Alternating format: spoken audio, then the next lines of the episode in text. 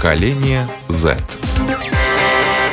Здравствуйте, с вами Марина Талапина, режиссер программы Даниэль Йофф. И спасибо, что подписываетесь на нас и смотрите нас на Ютубе, на Фейсбуке, в Инстаграме. Ну и, конечно, слушайте наши подкасты практически на всех платформах. Теперь это можно делать, включая Spotify, Google и Apple подкасты. И, конечно, на нашем сайте lr4.lv вы можете нас и видеть, и слышать, и делать с нами все, что хотите, писать нам комментарии тоже. И сегодня наша программа называется «Зачем мне видеть этот мир. А почему мы так ее назвали? Потому что у нас сегодня на связи Михаил Олехов. Всем привет, добрый день. И Настя Прускорякова. Всем привет. А почему мы назвали эту программу так? Потому что в одной из программ как раз Настя и Миша начали спор – это ребята, которые не видят, и они начали спорить. Если бы была возможность увидеть, они хотели бы получить зрение или нет. И сегодня мы вот как раз продолжим этот батл. И давайте, наверное, ребята, я э, предвкушаю э, ваш рассказ и предвкушаю вообще реакцию зрителей, которые побольше о вас узнают и услышат. Расскажите немножко о себе. Э, я единственное, что скажу, что вот эти ребята, которые сегодня в студии, они на 200% реализуют себя, и у них есть чему поучиться. Миш, давай, расскажи о себе, чем ты занимаешься, со скольки лет ты не видишь? Да, наверное, я начну с того, скольки лет я не вижу. Я зрение постепенно терял, а родился уже с такими проблемами, связанными именно с потерей зрения, и постепенно у меня вначале было ощущение цвета, а также более или менее я видел контуры предметов, но к возрасту 7-8 лет я уже потерял до такого, пришел это в такое состояние, что только тени и свет я различаю. Но это вообще не останавливает, я считаю, никогда это не должно останавливать тебя, если у тебя есть цель, к которой ты хочешь идти, и на данный момент я учусь музыке, я а, а, прохожу обучение в Праге, среднее в училище музыкальном по классу аккордеон и гитара. Мне это очень нравится, но так как сейчас у нас а, время уда- удаленки, я живу в Риге, нахожусь в Риге, сейчас с вами общаюсь, дорогие зрители, ну и параллельно я прохожу обучение в Чехии. Это вкратце обо мне. И, наверное, Настя, что ты о себе расскажешь? А какой это всегда сложный вопрос, потому что я ни, никогда не знаю, что о себе рассказать. А, мне это все кажется настолько естественным. А, я вот наоборот, я пойду от обратного, я расскажу, чем я занимаюсь. Я э, в прошлом году закончила а, филфак, и сейчас я а, делаю разные работы, связанные с текстом. А также я с недавних пор завела свой телеграм-блог, чтобы посмотреть, ну, как долго я смогу его вести. Я думала, что заброшу через три дня, а вот уже какой-то там день, не знаю какой, около где-то третий месяц, наверное, а, я его еще не забрасываю почему-то, что для меня удивительно. А также я пою, меня вот, да, бросает так немножечко из стороны в сторону. А, выпустила две песни. А, Еще я путешествую и периодически занимаюсь массой разных других вещей, и это все очень сложно перечислить. А не вижу я с детства.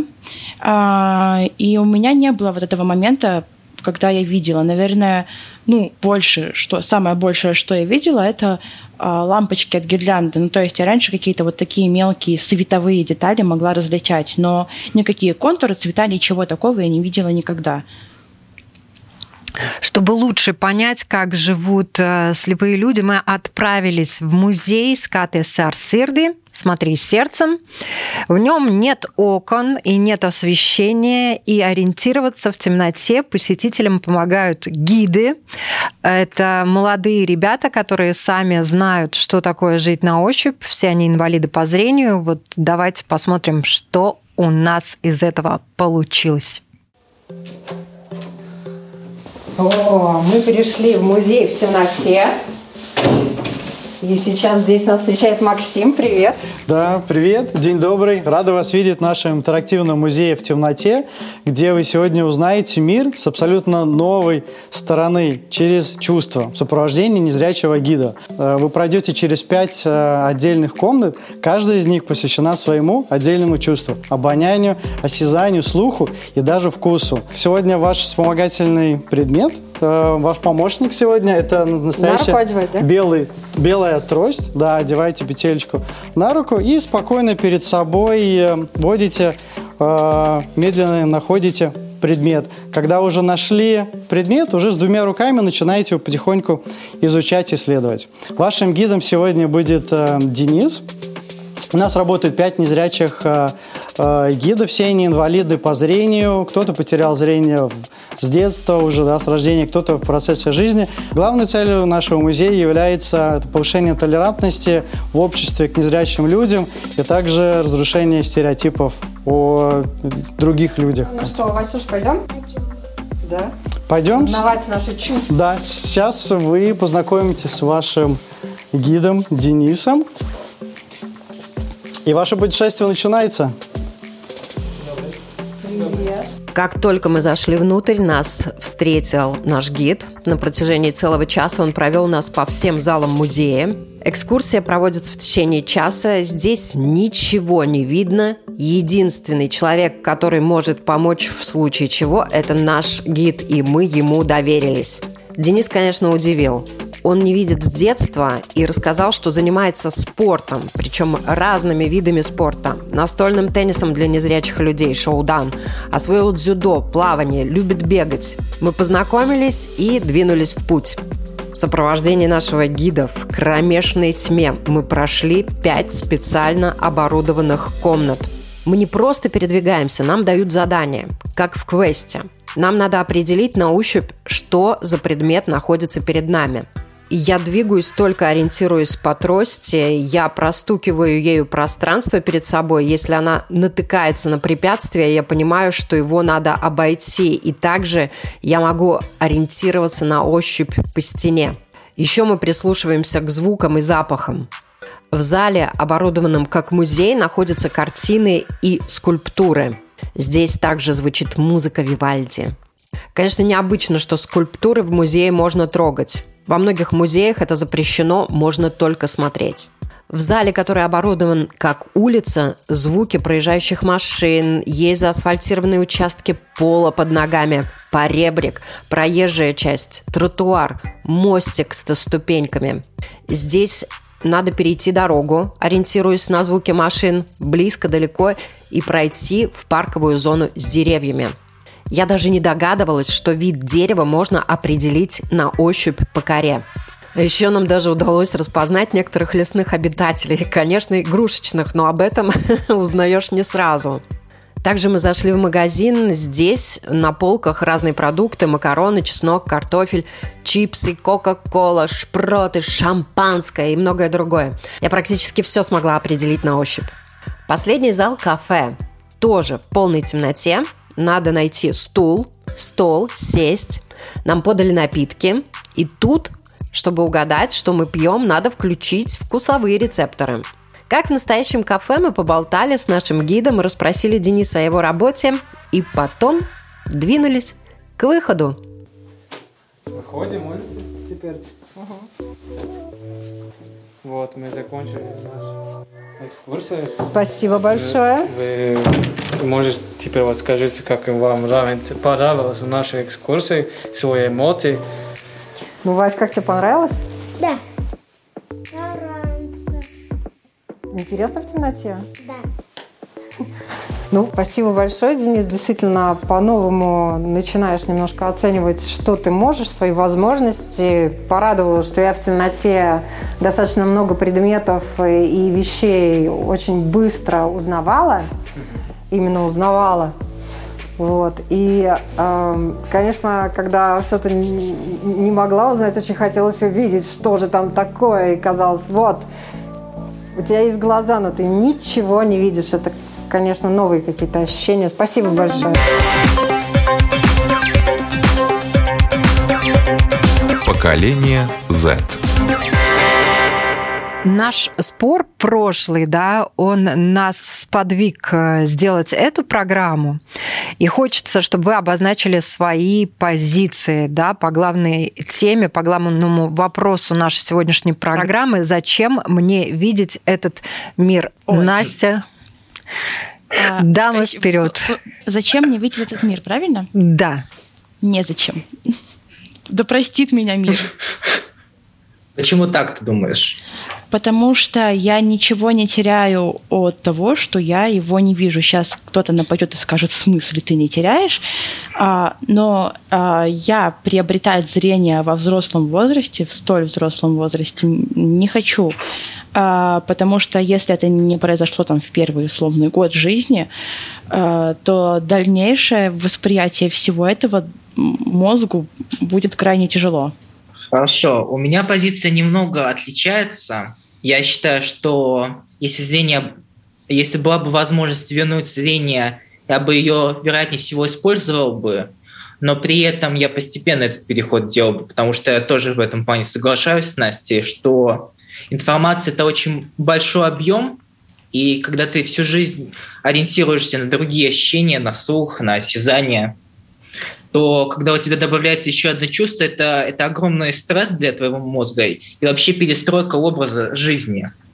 Поэтому я бы это поддерживал бы, но только но и при этом давал бы людям возможность выбора. Если они хотят менять свою жизнь в взрослом возрасте, то пусть вперед.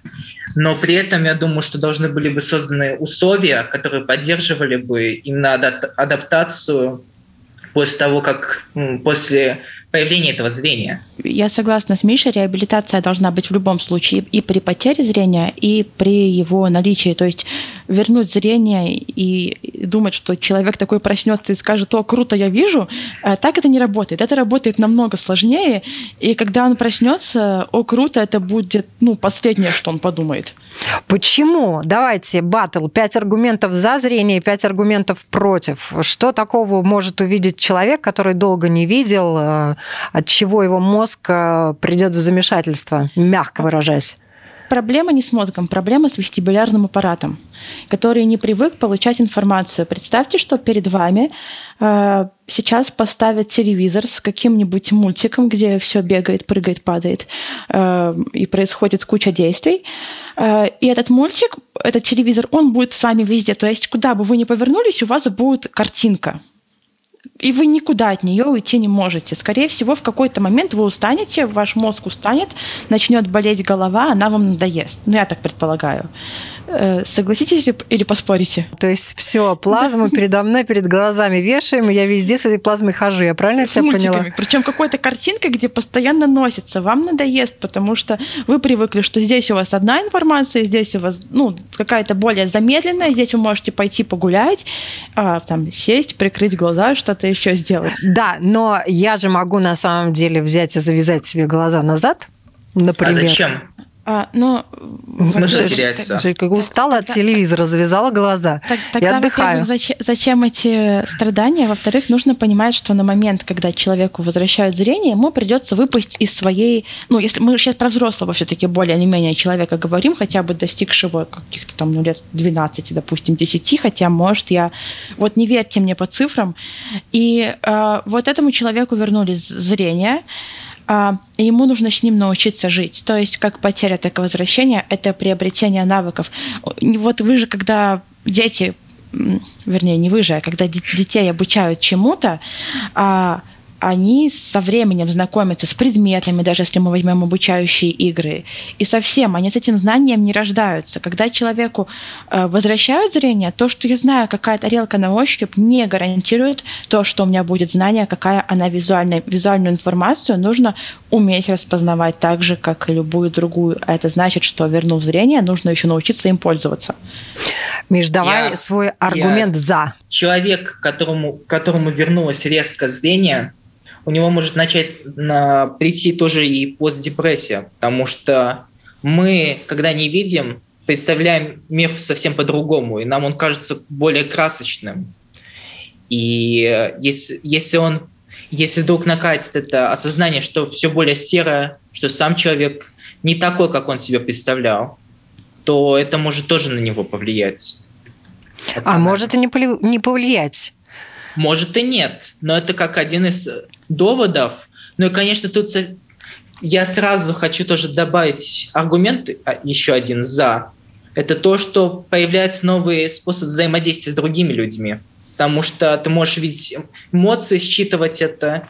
И это происходит более быстро, мне кажется в этом плане. Здесь очень важный момент. Нужно понимать, человек не видел с рождения и начал видеть, или человек не видел, ой, простите, видел какое-то время, потом он потерял зрение, и потом ему вернули зрение. Это будет две совершенно разных ситуации психологи предполагают 80%, мы информации э, потребляем, большая часть людей потребляет через глаза именно, да. Но Мне вот... всегда хочется найти этих прекрасных психологов. Да. И, и, сказ... и спросить им, ребят, слушайте, как я на 20%-то вытягиваю? Ты круто вытягиваешь. Судя по тому, что ты закончила и высшее учебное заведение, и то, чем ты занимаешься, ты очень круто вытягиваешь. Представляете, 20%. Ну, по мнению психологов. На самом деле, а, конечно, а, мне, мне, у меня, я придумала когда-то очень дурацкий пример, а, но я до сих пор не смогла придумать ничего лучше, поэтому, простите, пускай будет он. Если представить, что в комнате у нас пять человек, это наши органы чувств, и они нам все о чем-то говорят, то самый громкий голос, ну, как правило, если не случился какой-то сбой, как в нашем случае с Мишей, то самый громкий голос будет у зрения, и поэтому остальных мы не слышим. Нам не надо, нам удобнее тот, кто орет громче, мы его быстрее понимаем, а, и поэтому большую часть информации мы получаем от него. Но это не значит, что остальные там молчат, просто их не слышно. И вот в случае со зрением это работает так, что пока человек видит, он, конечно же, очень много воспринимает визуально, хотя есть же разные люди, есть визуалы, есть те, кто аудиально воспринимает информацию, есть кинестетики, они среди зрячих есть. Но ну да, вот... в этом плане я соглашусь, потому что у меня есть опыт, а, я тоже не забыл это сказать, я, стар, а, я пытаюсь а, работать с репетитором онлайн языков, и я тоже это могу сказать, что у многих более развита аудиопамять, то есть аудиовосприятие но у других, наоборот, визуально. Так что это, мне кажется, эта статистика, она работает в одном случае, но у каждого человека ведь уникальная ситуация. Ну, давайте еще э, чуть-чуть поговорим про комнату, где пять органов чувств заперли. Да? Есть такое выражение «глазам своим не верю, ушам своим не верю». Вот а каким органам чувства вы доверяете на 100%? Настя, давай. Ой. Какой, как, какой кошмар. Да я... Да. Глазам ты не веришь? Да не то, чтобы не верю, они молчат. Тут, тут, тут другая проблема. Я поверила, может быть. Но, но они отказываются со мной общаться, поэтому приходится выбирать из того, что есть. Но я считаю, что любую информацию нужно уметь анализировать. Э, мозгу верю, но он тоже ошибается. Я, я не отвечу вам на этот вопрос. Миш, я, я бы сказал, что в этом плане я согласен, потому что нельзя быть на 100% уверенным. Могу привести пример, а, когда у людей, которые не, не видят, у них очень на аудио идет, на слух. И бывает ситуация, что тебе кажется, что ничего не едет по дороге, когда ты хочешь уже перейти, и вдруг что-то проезжает. И такие ситуации достаточно часто возникают. Поэтому тут надо, надо перепроверять, как и в любом а, вообще. У меня была очень забавная ситуация. Я уставшая возвращалась домой а, и переходила дорогу, а вот не помню, Чака и что-то, может, Цирном, не помню, где какой-то был перекресток. А, и я так понимала, что уставшая, я думаю, надо спросить у стоящего а, человека, который стоит возле перехода, чтобы точно сказал, когда будет зеленый, потому что как-то вот так будет надежнее. И я подхожу, а, а был еще как бы, ну, сумерки, наверное, часов 5 вечера и, и осень. И ну, я как бы видеть-то я не вижу, но я, когда какой-то предмет стоит, от него вижу тень, от именно света. И я поворачиваюсь, думаю, о, человека, я у него спрашиваю, а он молчит. И я уже начала думать про него что-то, наверное, не сильно хорошее, что ему сложно помочь. И тут я понимаю, что это столб. Э, это просто светофорный столб. Настя заговорила с предмета. Э, общаюсь со столбами, все хорошо. Я помню, как ты рассказывала историю насчет тросточки, она попала в колесо, и тебе а, надо было да. А, ориентироваться, потом идти, продолжать свой путь без трости. Я продолжала с тростью, но в одну секунду был выбор, что делать. Либо я сейчас оставляю трость, либо пробую ее дернуть. И я дернула, отскочила обратно, но было потом очень тяжело продолжать путь, потому что адреналина-то, ох, ударило, как много. И я понимала, что идти-то надо, а и немножечко нужно собрать себя в кучу обратно, чтобы второй раз такое не произошло.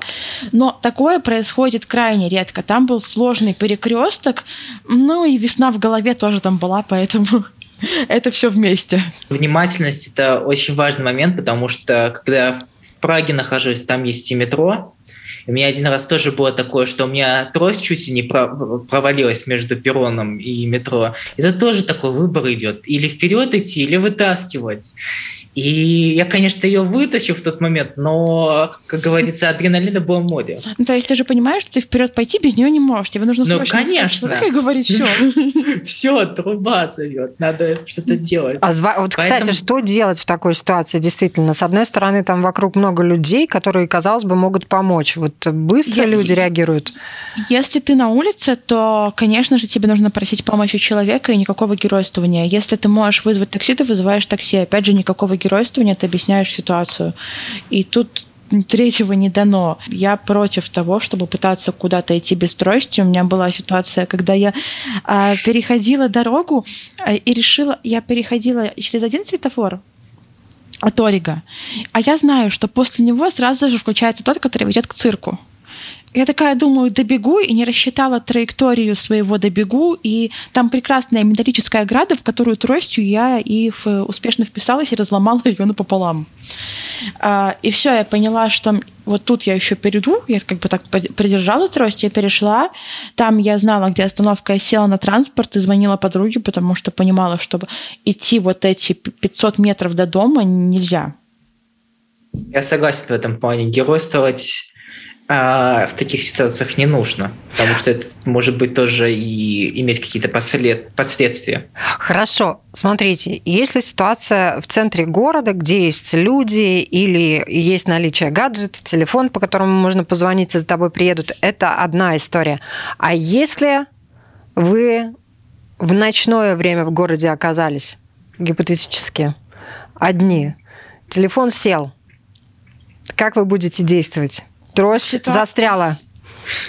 Ситуация очень плохая, надо стараться, чтобы таких не было, тем более в наше время. Есть пауэрбанки, есть куча всего. Если ты понимаешь, что ты остался без трости, э, ты должен по-любому искать как, какую-то помощь. Я не знаю. Ладно, ты остался с тростью, ты остался без гаджета.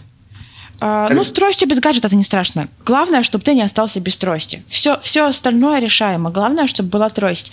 А, если нету трости, ищи помощь на стороне. Главное, никуда не двигайся без трости, потому что а, все неприятности, которые могут произойти, а, а именно без трости, их очень много. Во-первых, тебя, ты можешь упасть, тебя может сбить машина, а, не знаю, тебя примут за пьяного, а, что угодно – вот это очень важно, чтобы была трость. Некоторые считают, что надо носить запасную, понятно, что так никто не делает. Но если ты едешь в путешествие, то не, про, не брать запасную трость это, это неправильно.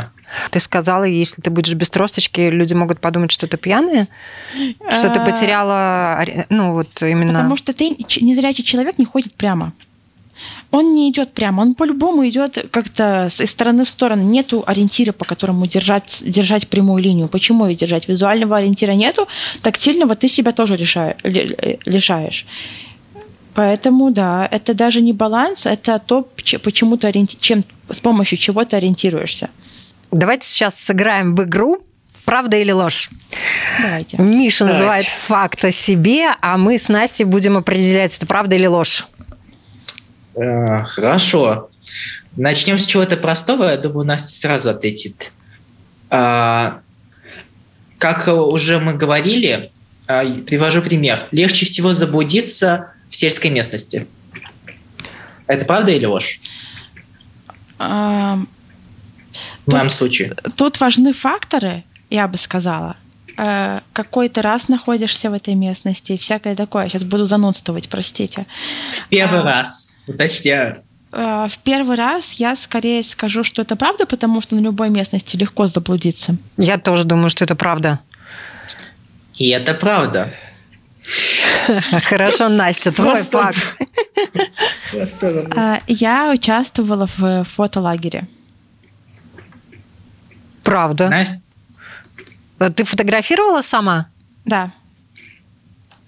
Я думаю, что это правда, потому что, зная Настю, такое возможно. Я тоже предполагаю, что, зная Настю, это возможно. Вопрос просто... Просто что она там делала. Да, чем, а, чем ты там занималась, да? Да, это правда. Был такой проект, и когда я училась в школе, не помню в каком классе, это был 2011, 12 или 13 год, простите, не, не скажу точную цифру, а, был проект, э, где участвовали люди с детских домов и с разными э, видами инвалидности из разных стран. А, и от Латвии э, в том числе участвовали незрячие. А, был фотограф, который, он из Испании, он считал, что незрячего можно научить фотографировать, и в принципе с этим в наше время сложно поспорить. В 2013 хотелось, конечно, а в 2021 уже не так.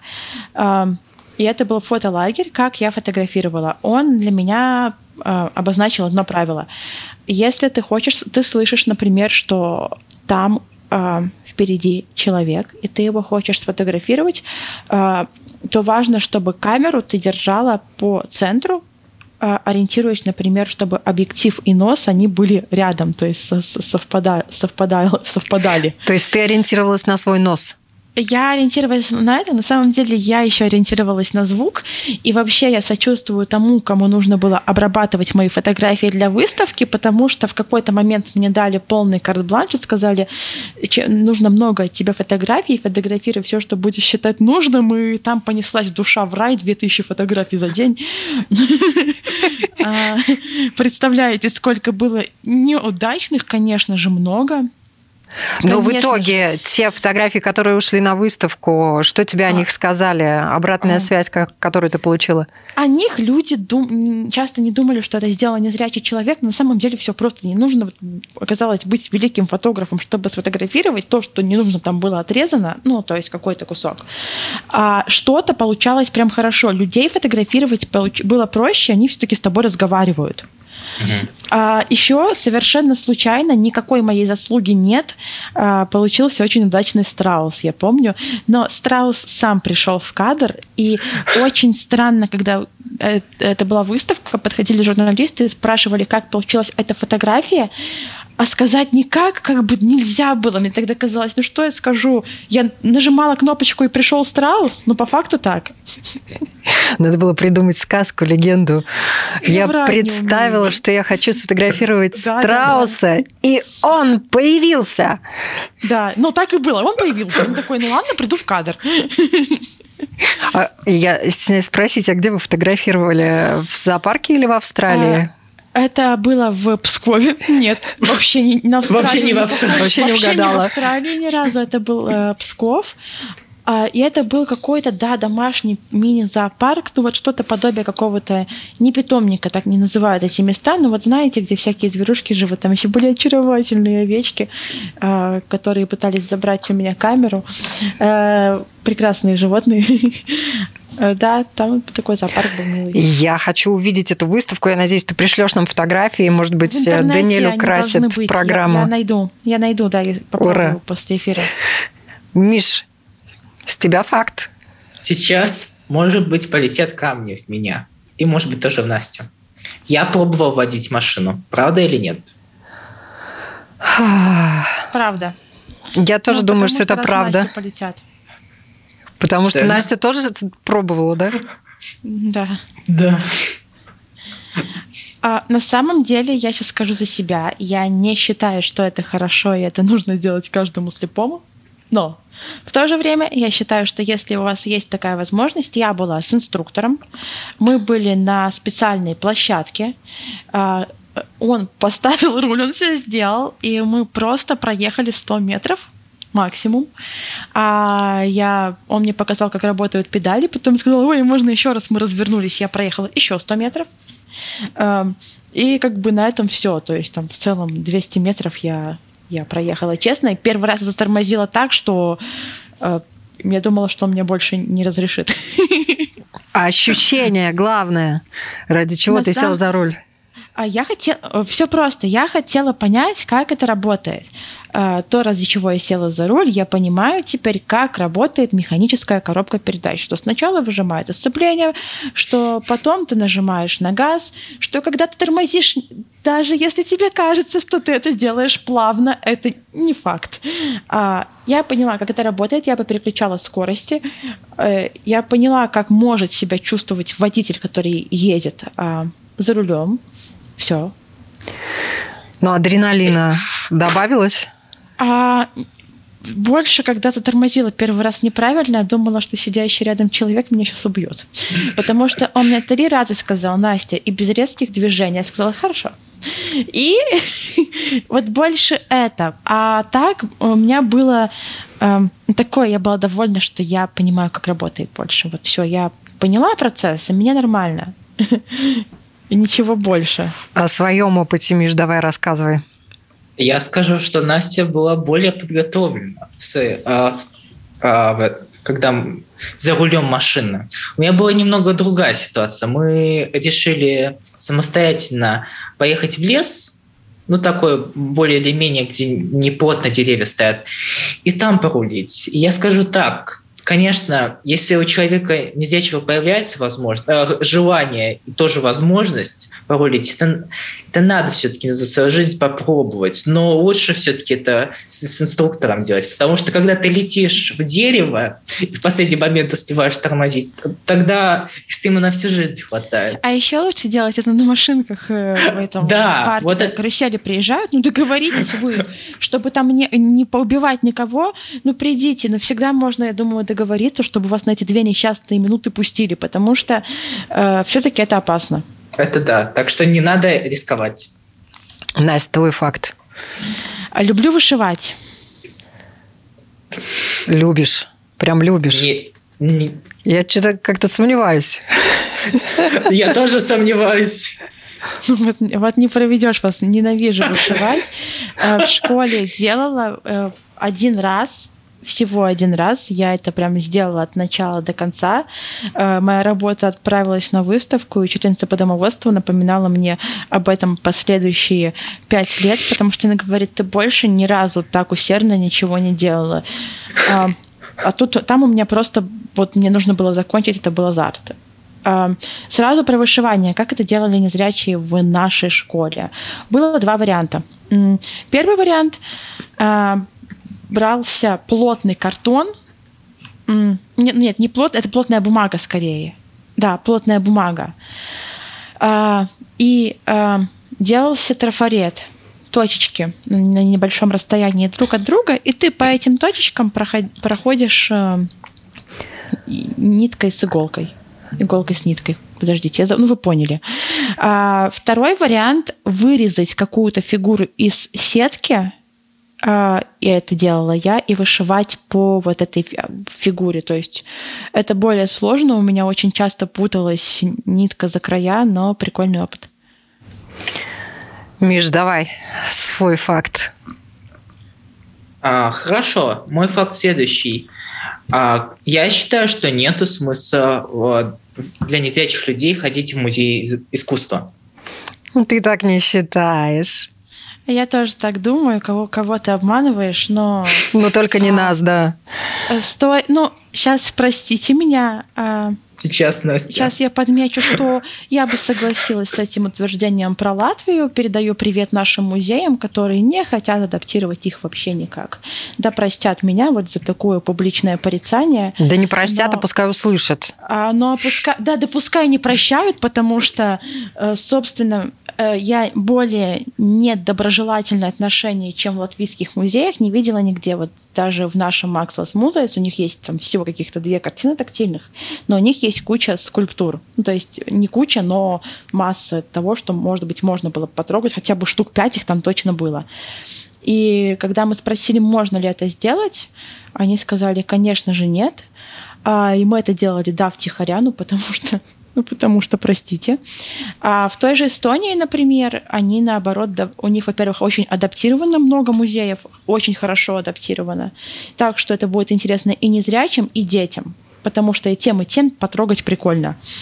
А, во-вторых, они очень доброжелательны к тебе, они, то есть вот э, серьезно была ситуация, когда нам гид сказал, это трогать нельзя, но я для вас достану, и у меня такой шок был, если честно, э, чего у нас не встретишь. Ну, а понятно, что есть какие-то экспонаты, которые нельзя никому трогать, потому что они Конечно, из каких-то материалов, которые могут просто ну, рассыпаться, развалиться, это понятно. Но, но я думаю, мне что... кажется, что это не металлическая скульптура. По крайней мере, я гарантирую, что от того, что я ее трогала тихонечко, пока никто не видит, она не развалилась, она там точно где-то стоит. Ну, я думаю, что скульптуры многие трогают даже те, кто видит. Но, Особенно вот, маленькие дети, их да, очень трудно сдержать. Это, конечно, то, чего мне не хватает в Латвии, именно чтобы шли музеи как-то тебе навстречу. Да, уважаемые музеи, пожалуйста, разрешите трогать ваши скульптуры. Вы Хоть от этого только выиграете. И э, мы все факты назвали? Нет. Или у кого-то еще? Нет, еще есть факты. Ну какой же мне выбрать, правдивый или не правдивый? Хорошо. А, занималась фридайвингом. Фридайвингом? Да. Наверное, да.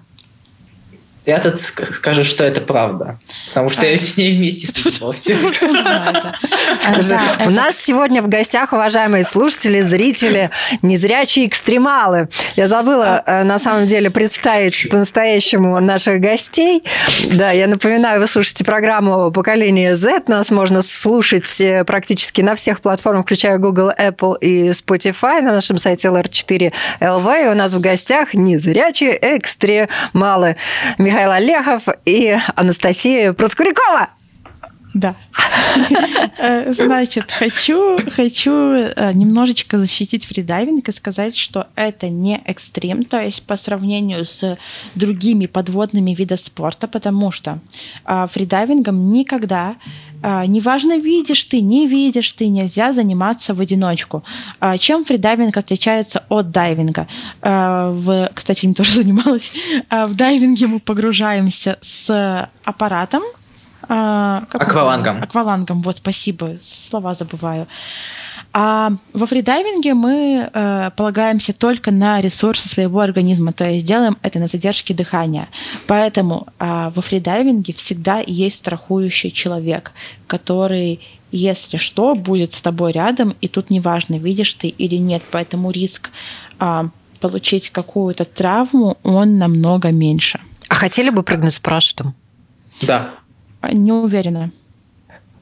Я хочу еще сказать про то, что тоже дополнить про безопасность. Никогда человека начинающего, который в первый раз займется фридайвингом, его не пустят на большую глубину. Это до 5 метров. А, да, и то, даже того, кто десятый, он там никогда не будет один.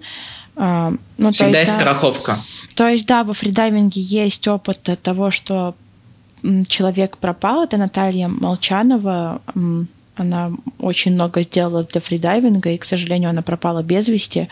Но она профессионал, и вот знаете, как говорят, что э, гонщики говорят, что или мотоциклисты, что если они перестали бояться скорости, то то им, наверное, нужно перестать этим заниматься. Ну вот, то есть, это, мне кажется, тут тоже важно помнить про безопасность, насколько бы ты не был профессионалом. А какие бы свои качества вы еще хотели бы прокачать?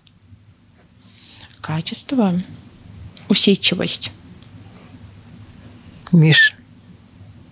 Я так задумался, да, я тоже соглашусь. Усидчивость и эмпатию. Как вы определяете, э, вот какой человек для вас красив?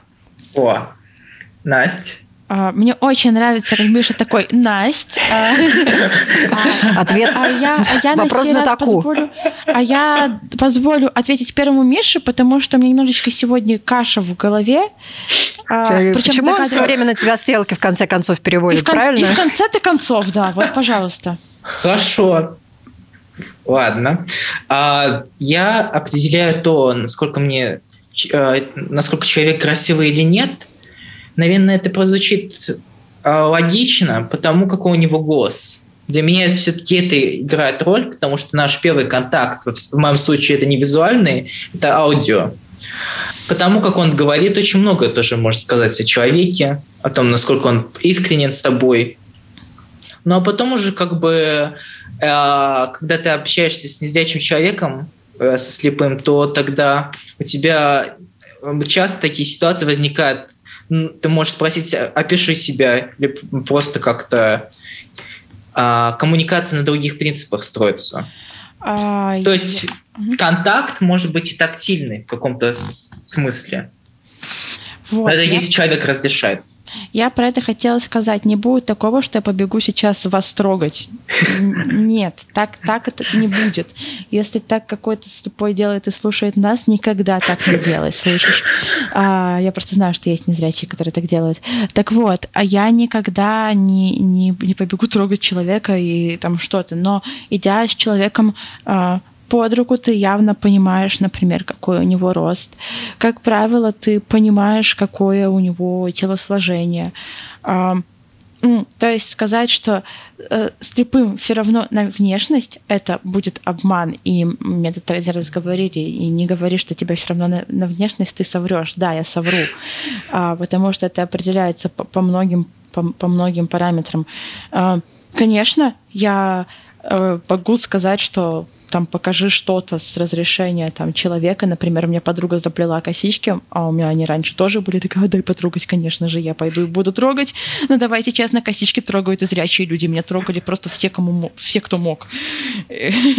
Даже там дети, которых я не знаю с улицы я могу там спокойно сказать, покажи мне какую-то вещь, то есть и, и потрогать ее, а, поэтому знаю, что человек ее потом наденет и это нормально.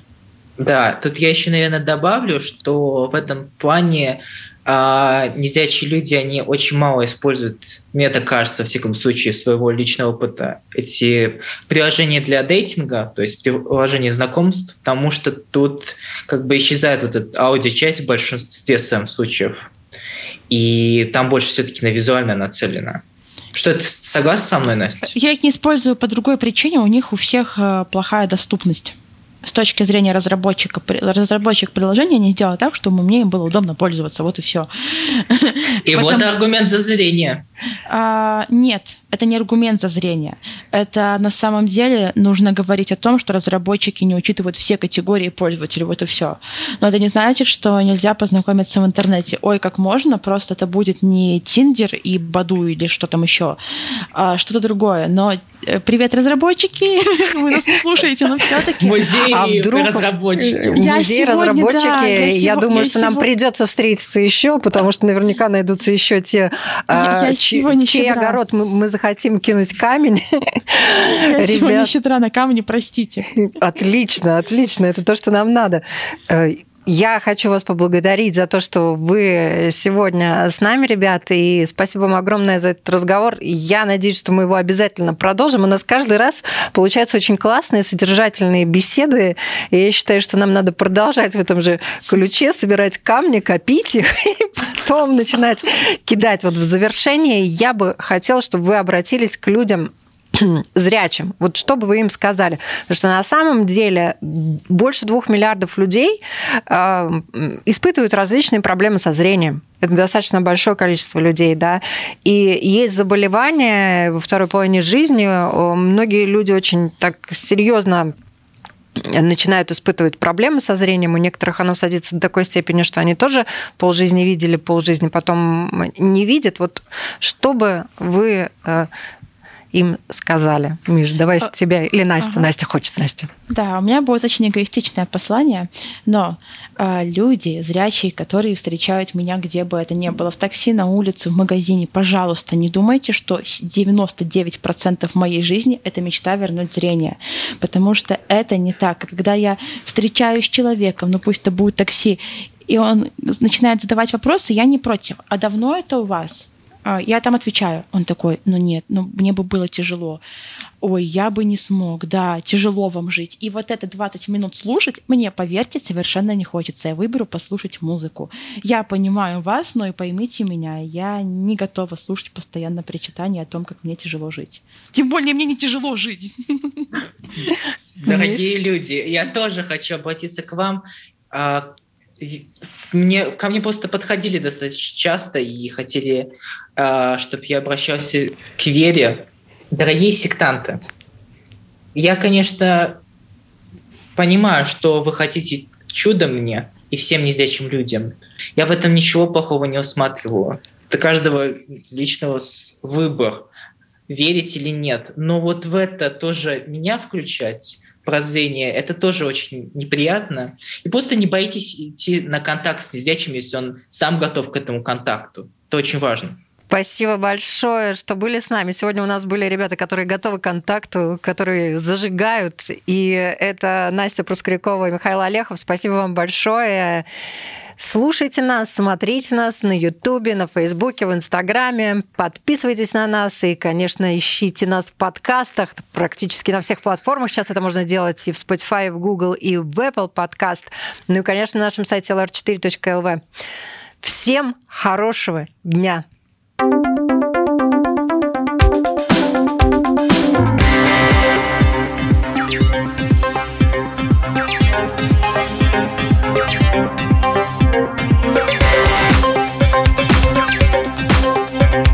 Поколение Z.